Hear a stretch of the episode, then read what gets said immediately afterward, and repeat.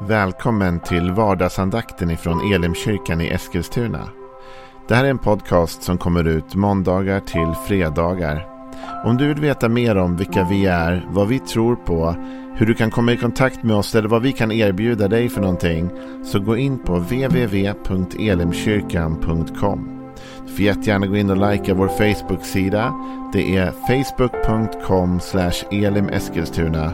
Eller så söker du upp oss på YouTube och då söker du på Elimkyrkan Eskilstuna. Vi vill jättegärna komma i kontakt med dig. Men nu lyssnar vi till dagens andakt. Välkommen till vardagsandakten. Jag heter Joel Backman, jag är pastor i Elimkyrkan. Och eh, vi håller på att gå igenom Ordspråksboken tillsammans. Inte vers för vers eller ord för ord sådär. Utan mer att vi går igenom någon lärdom från varje kapitel. Och nu har vi kommit fram till det tredje kapitlet.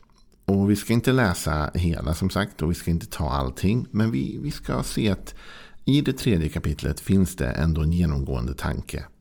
Sen är det så att lite längre fram i Ordspråksboken så börjar det bli mängder med små korta ordspråk i varje kapitel. Men än så länge så är det ganska sammanhängande kapitel. Lite mer eh, ordnade på det sättet. I det tredje kapitlet så läser vi den femte versen. Förtrösta på Herren av hela ditt hjärta. Förlita dig inte på ditt förstånd. Räkna med honom på alla dina vägar så ska han jämna dina stigar. Var inte vis i dina egna ögon. Vörda eller frukta Herren och undvik det onda. Det ska ge hälsa åt din kropp och kraft åt alla dess ben. Ära Herren med allt vad du äger och med det första av all din gröda. Då ska dina lador fyllas av rika skördar och dina pressar flöda över av vin. Min son, förakta inte Herrens fostran och förarga dig inte när han tuktar dig. För den Herren älskar tuktar han likt en far den son han har kär. Här börjar det med två uppmaningar kan man säga. Det ena är att förtrösta på någonting. Och det andra är att inte förlita sig på något annat. Första uppmaningen är då förtrösta på Herren av hela ditt hjärta. Och det här handlar om att lita på. Och just när vi talar om hjärta som det står här. Förtrösta på Herren, inte av hela ditt intellekt bara. Även om vi intellektuellt såklart ska försöka förstå så mycket som möjligt. Men det står förtrösta på Herren av hela ditt hjärta. Det är en sorts djupare förtröstan. Som handlar om inte bara att jag tror att du kan göra någon viss sak. Eller, utan jag litar verkligen på dig. Jag har en djup tilltro till dig som person. Och det är samma här. Vi litar till Herren av hela vårt hjärta. Så förtröstar vi på honom. Och det innebär att vi har förtroende för honom. Och det ställs då här i Ordspråksboken i kontrast till vårt eget förstånd. Förtrösta på Herren av hela ditt hjärta. Förlita dig inte på ditt förstånd. Det är viktigt att se vad det står här. Det står inte att du inte ska lyssna på ditt förstånd. Eller att du inte ska använda ditt intellekt. Det är inte det det handlar om.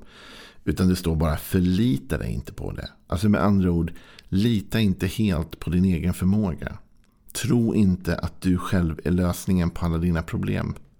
Utan lita och förtrösta på Herren. Att han är i grunden den som kan ge dig ro, stabilitet, frid, glädje. Allt vad det kan vara finns i honom. Och Du kan lyssna till ditt förstånd och du ska försöka förstå med ditt förstånd och använda ditt förstånd. Men förlita dig inte på det för det är förrädiskt. Och det är förrädiskt i den meningen att du och jag, vi vet sällan så mycket som vi tror oss veta. Alltså även när vi tycker att vi har kunskap om någonting så visar det sig ofta att vi inte har den djupa kunskap vi trodde. Om du gillar fotboll och någon gång har fyllt i en tipsrad liksom, så kanske du tänker när du fyllt i där att du är helt övertygad om att just du kommer få 13 rätt. För det här har du listat ut vilka klubbar som är i form och vilka spelare som är bra just nu och du vet precis hur det här kommer gå. Och sen så får du tillbaka att du bara får 8 av 13 rätt eller 7 av 13 rätt och så inser du wow, jag hade inte alls den tron jag trodde, eller kunskap jag trodde jag hade. Och det där var ju kanske en dum liknelse om en, en, eh, liksom eh, ett stryktipset-rad. Men vet du vad? Det är lite sådär vi lever våra liv. Vi förlitar oss på att vi har den rätta tipsraden hela tiden. Och att vi vet allting och att vi minsann har koll på läget. Men egentligen är det så att vi har ganska dålig koll. Det är så mycket i livet som vi inte riktigt förstår. Och därför ska vi inte helt förlita oss på vårt eget förstånd. Utan vi ska förtrösta på Herren, för Herren vet ju allt. Och det är då vi fortsätter och så står det Räkna med honom på alla dina vägar så ska han jämna dina stigar. Så med andra ord, om du räknar med Gud. Och att räkna med Gud det är att involvera Gud i ditt liv. Om du involverar Gud i ditt liv och dina beslut och allt det du gör och så. Om du gör det, då kommer du märka att han jämnar stigen för dig. Ditt liv kommer bli lättare. Du kommer ha det enklare än vad du har det annars. Så det här är verkligen någonting oerhört gott. Lita på Herren. Förtrösta inte på dig själv. Utan räkna med honom på alla dina vägar. Då kommer han se till att din väg framåt blir smidigare. Och så fortsätter Salomo på exakt samma egentligen eh, bana. Vad han säger. Var inte vis i dina egna ögon. Utan frukta Herren och undvik det onda. Det här tycker jag är väldigt intressant. Dels är det ju precis det han har varit inne på och sagt. Alltså förlita dig inte för mycket på eh, hur smart du är. Var inte vis i dina egna ögon. Utan inse med ödmjukhet att du har inte alla svaren och du vet inte allt. Och jag pratar inte om en falsk ödmjukhet som säger att du inte kan någonting. Och det är ingen jantelag vi pratar om. Utan du är säkert jätteduktig på vissa saker. Och du kan mycket. Men var inte vis i dina egna ögon. Alltså lita inte på att du har alla svaren själv. Utan frukta Herren. Och så står det och undvik det onda. Och vet du vad? Jag tror att det här hänger ihop. I den här texten tror jag Salomo menar Utsätt dig inte för dumma situationer utan frukta Herren och undvik det där. Och vad menas med det? Jo, ibland när vi visar i våra egna ögon och vi målar upp en bild av oss själva som så duktiga och så goda och att vi kan så mycket. Då utsätter vi oss ibland för onödiga risker. Ja, men jag kan stå emot den där frestelsen. Ja, men jag kommer klara det. Alltså, det där är inte ett problem. Kanske ett problem för andra, men jag har koll på läget. Jag är så vis och liksom, jag kan hantera gränserna.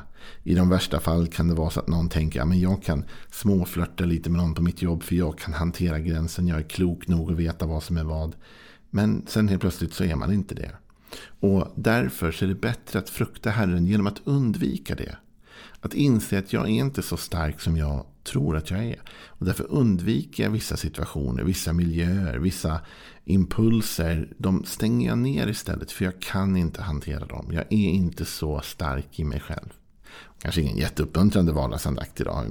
Man vill ju vara stark och så. Men poängen här blir måla inte upp dig själv för stort. Utan ha en sund bild på dig själv. Och lita istället mer på Gud än på dig själv. Och jag kanske inte är så mycket i mig själv, men jag kan nå toppen för han för mig dit. Om vi skulle tänka så, det här är inte någon jantelags vardagsandakt. Tvärtom, jag tror att Gud vill ta dig till toppen. Jag tror att Gud vill att du ska ha liv och liv i överflöd som skriften säger.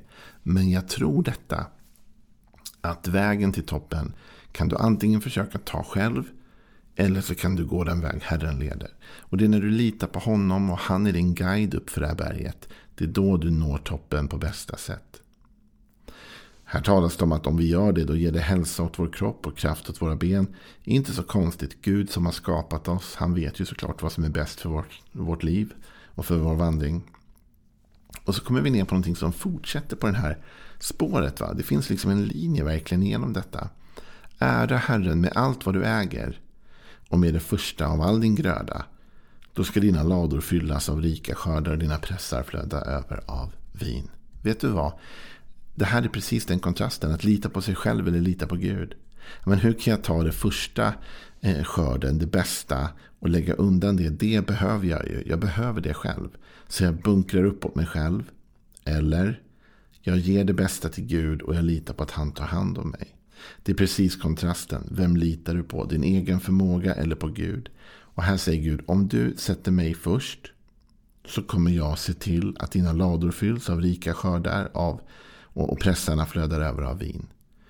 Det är ungefär som att det blir en kamp här mellan ju mer vi vill själva eller om vi låter Herren. Och ju mer vi låter Herren så kommer det gå bättre för oss.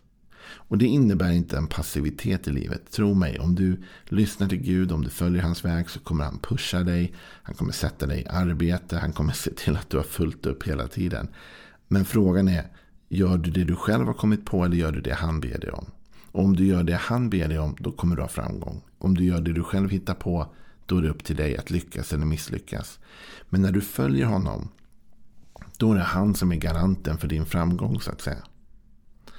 Om du går till gymmet och du hittar på ett eget träningspass. Ja, då får ju du stå ansvarig för det. Och om det blir bra eller inte, det är upp till dig, eller hur? Men om du går till gymmet och du anlitar en, en PT, en personlig tränare. Och den här personen ger dig ett träningsschema och du följer det träningsschemat. Är det ditt fel om det misslyckas då? Eller är det din PT som har gjort ett dåligt jobb? Ja, då är det nog din PT som har gjort ett dåligt jobb om du har följt hans plan. Samma här. Följer du din egen plan eller litar du på din PT? Litar du på Gud? Litar du på att han har koll på läget? Och att om du följer hans instruktioner så når du fram. Ge först till honom så kommer det andra ordna sig. I mitt liv har ju det här blivit tiondegivandet. Att jag varje månad tillsammans med min fru lägger undan 10% av vår inkomst och ger till vår lokala församling. Liksom. Och det är så att det tror jag verkligen på. Och det är mitt sätt också att visa Gud att Gud, jag litar på att din kunskap är större än min. Jag litar på att du vet mer vad som är rätt för mig än vad jag vet. Och att om jag ger dig det här så förvaltar du det och hjälper mig med mitt liv. Och hittills tycker jag att det har funkat väldigt bra faktiskt. Herren har tagit hand om mig och min fru på ett fantastiskt sätt. Och det är ju också på grund av att vi försöker sätta honom först. Och så kommer vers 11. Min son, Förakta inte Herrens fostran och förarga dig inte när han tuktar dig. För den Herren älskar tuktar han likt en far den son han har kär. Vet du, jag tror inte att det här handlar om att Gud är ute med någon käpp och ska drämma till oss. Det är inte den bilden jag har av Gud. Det är inte den bilden som Bibeln i stort ger av Gud. Däremot betyder det att Gud vill disciplinera oss på olika sätt. Och det kan innebära som jag med mina barn försöker lära dem att städa rummet och plocka av disken och göra olika saker ja, men det där tycker de inte är kul. Eller göra läxan eller vad det är. Men jag som förälder vet att om de lär sig de här grejerna nu så kommer deras liv bli bättre sen. På samma sätt är det med Gud. Ibland kommer Gud föra oss genom passager i livet som vi inte vill igenom. Och vi tycker att de känns onödiga, vi tycker de känns jobbiga, svåra. Men Gud vet att på andra sidan den passagen så blir livet bättre. Gud vet att den där passagen kommer forma oss på ett sånt sätt att vi blir ännu mer skickliga i det vi gör och växer upp ännu mer. Det finns inget barn som vill städa sitt rum och ändå vet vi att man måste lära sig någonstans, eller hur? Det är väldigt få barn som tycker det är jättekul att sätta sig med läxan eller gå och borsta tänderna på kvällen. Men vi vet ju att de måste för att deras liv blir bättre om de gör det. På samma sätt kommer Gud ibland föra oss mot situationer och platser vi inte vill. Men vi måste lita på honom. Om du har en personlig tränare på gymmet kanske han ber dig göra vissa övningar som du känner så ah, men det där är inget kul. Det är jättejobbigt med burpees eller vad det kan vara. Jag vill inte göra de där grejerna. Men den, din tränare vet att du behöver det. Det är just det du behöver öva på. Och så är det med Gud. Så det här kapitlet egentligen, hela det tredje kapitlet i Ordspråksboken handlar väldigt mycket om det. Att inte lita till sig själv, utan lita till Gud. Att lita till att Gud har koll på läget men att du själv har något att lära. Och att vi måste våga. När man då kommer till slutet, för nu hoppar vi fram ganska många versar. Så sammanfattas det här tycker jag i slutverserna. Vers 33 säger Herrens förbannelse vilar över den gudlöses hus. Men han välsignar det rättfärdigas hem. Föraktare föraktar han, men ger nåd åt de ödmjuka. Det visa får ära till arvedel och de dåraktiga får skam. Alltså, Herrens förbannelse vilar över den gudlöses hus. Den som vandrar sin egen väg. Den som inte vill ha med Gud att göra. Den som vill fatta alla beslut själv. Den som tycker den kan allt. Den som litar till sitt eget förstånd. Det kommer inte gå bra. Men, den, men han välsignar det rättfärdiga hem. Det som har valt att säga Gud, okej, okay, jag litar på dig. Som jag skulle lita på en PT på gymmet eller en personlig rådgivare på banken eller vad som helst. Jag litar till att du har mer kunskap än mig. Jag litar till att du vet mer än mig och att du leder mig rätt. Och när du leder mig mot jobbiga passager eller områden, då vet jag Gud att du gör det för min egen utveckling och mognads skull. Så våga lita på Gud. Så det tredje kapitlet i Ordspråksboken landar tillbaks i detta. Förtrösta på Herren av hela ditt hjärta. Förlita dig inte på ditt förstånd. Räkna med honom på alla dina vägar så ska han jämna dina stigar. Var inte vis i dina egna ögon utan frukta Herren och undvik det onda. Ha en välsignad dag. Imorgon är vi tillbaka med lite lärdomar från det fjärde kapitlet i Ordspråksboken. Hej då.